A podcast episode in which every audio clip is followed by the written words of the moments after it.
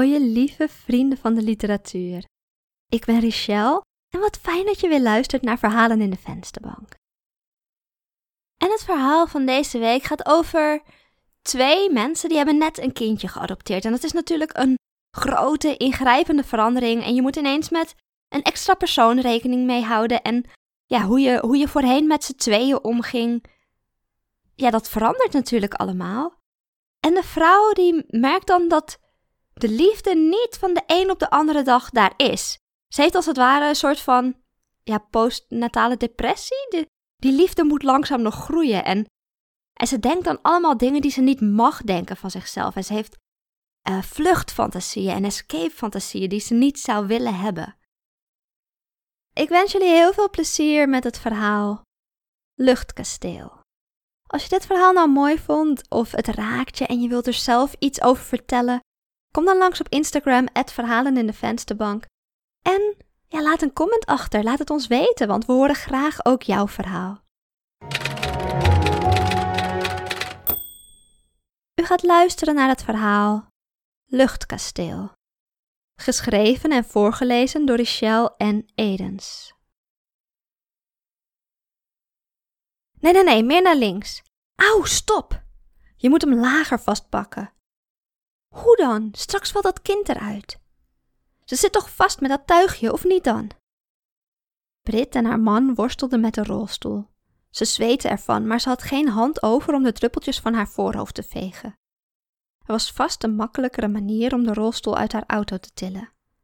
Ze zouden er vanzelf wel handig in worden, zei ze tegen zichzelf. Dit was tenslotte pas de eerste week dat ze hun dochter bij zich hadden. Niels tilde nu aan zijn kant de rolstoel op. Het gevaarte kantelde en haar vinger raakte beklemd. Ze vloekte. Het liefst zou ze haar vinger in haar mond stoppen, maar ze durfde de rolstoel niet los te laten. Niels zei niet eens sorry. Naar achteren, snauwde hij. Op dat moment begon het meisje in de rolstoel te schreeuwen. Geen zacht, vertederend gesnik waardoor Brits moedergevoelens loskwamen, maar een oorverdovend gekrijs waardoor ze het liefst gewoon wilde weglopen. Brit beet op haar lip. Ze moest gewoon even doorzetten. Deze eerste weken waren het lastigst.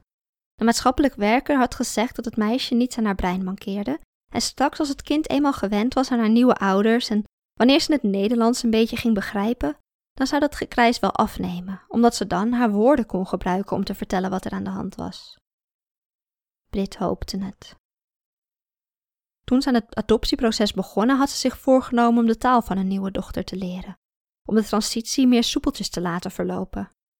Maar in praktijk waren ze zo druk bezig geweest met het huis rolstoelvriendelijk te maken, dat Xie dankjewel, en Niar, dochter, de enige twee woordjes waren die ze kende. Ze slaagden erin om de rolstoel op de parkeerplaats te zetten. Brit hijgde en veegde eindelijk het kriebelende zweet van haar gezicht af. Afwachtend keek ze naar Niels.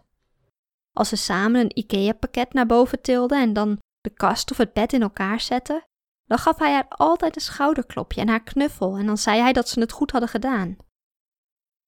Brit was er eigenlijk best trots op dat zij en haar man IKEA-pakketten konden tillen en in elkaar zetten zonder echt ruzie te krijgen, en dat ze altijd snel hun excuses aanboden na een onvriendelijke snauw.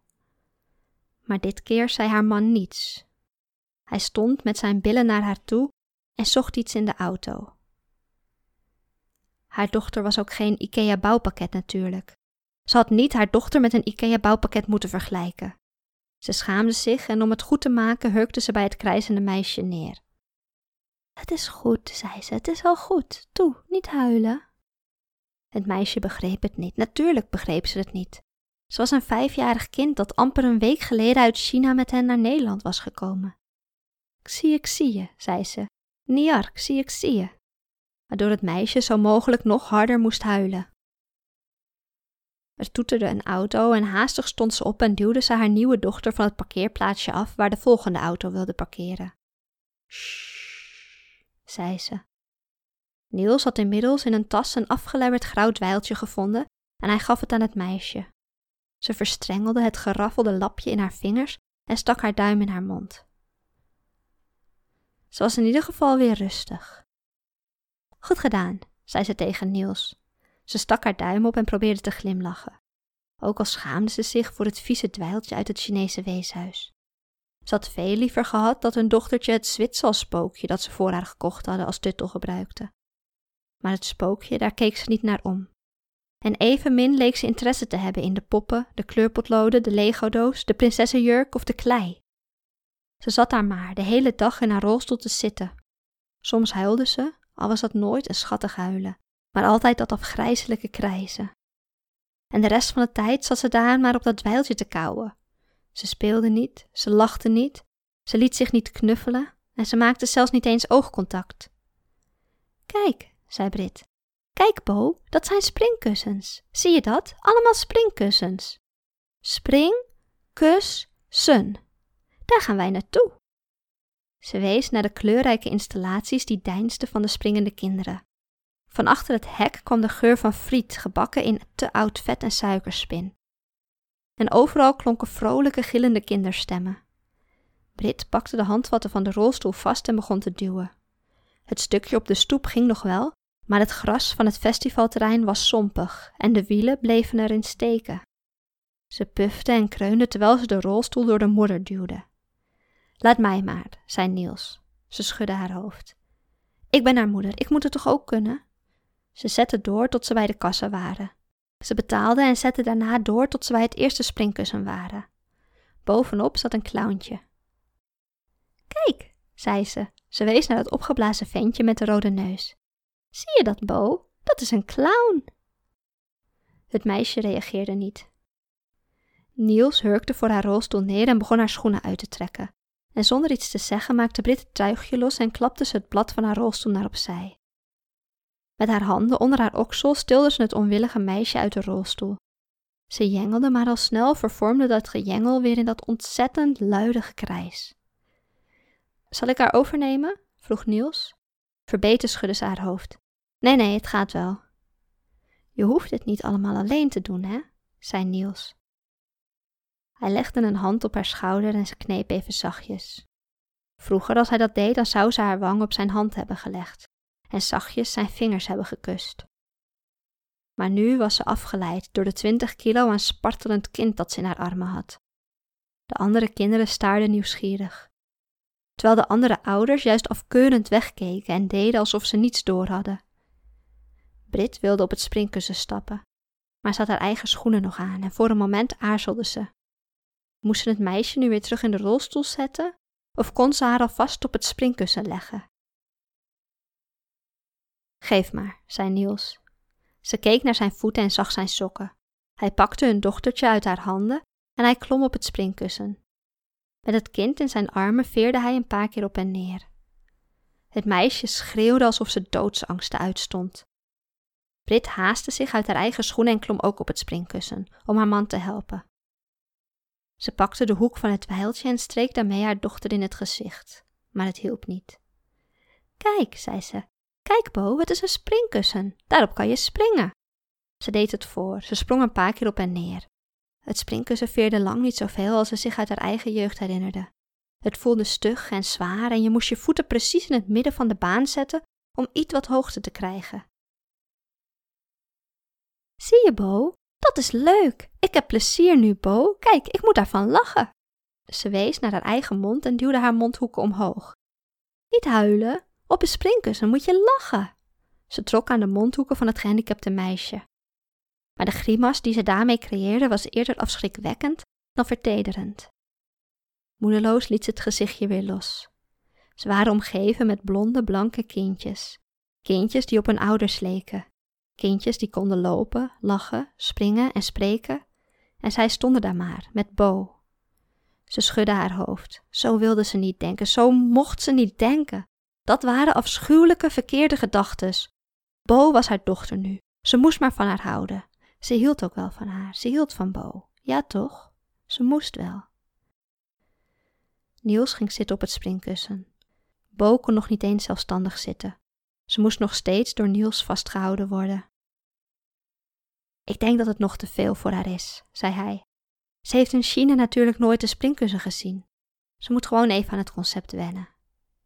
Hij zei het om haar gerust te stellen. Hij zei het om zichzelf gerust te stellen.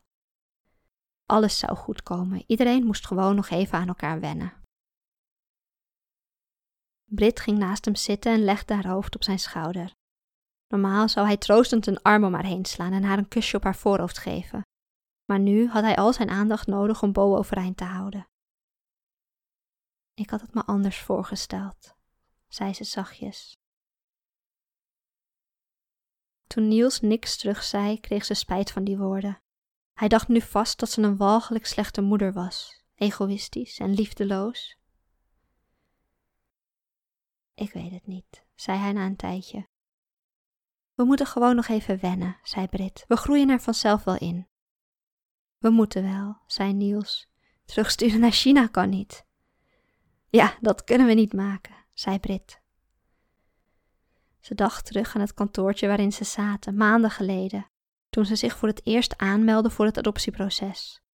Grijze vloerbedekking, grijze stoelen, een witte muur met een ingelijste poster van een lelie, dauwdruppels die nog op de kelkbladeren lagen te schitteren. Ze wist niet waarom ze zich juist nu die lelie herinnerde. Ze moesten formulieren invullen, stapels en stapels met formulieren. En toen kwam dat ene vinkje. Dat vinkje dat vroeg of ze een gezond kindje wilde of een gehandicapt kindje. Ongemakkelijk hadden ze naar elkaar gekeken. Het had onethisch en egoïstisch geleken om nee te zeggen tegen een gehandicapt kindje. Ze wilde niet dat de adoptieconsulent hen kil en harteloos zou vinden.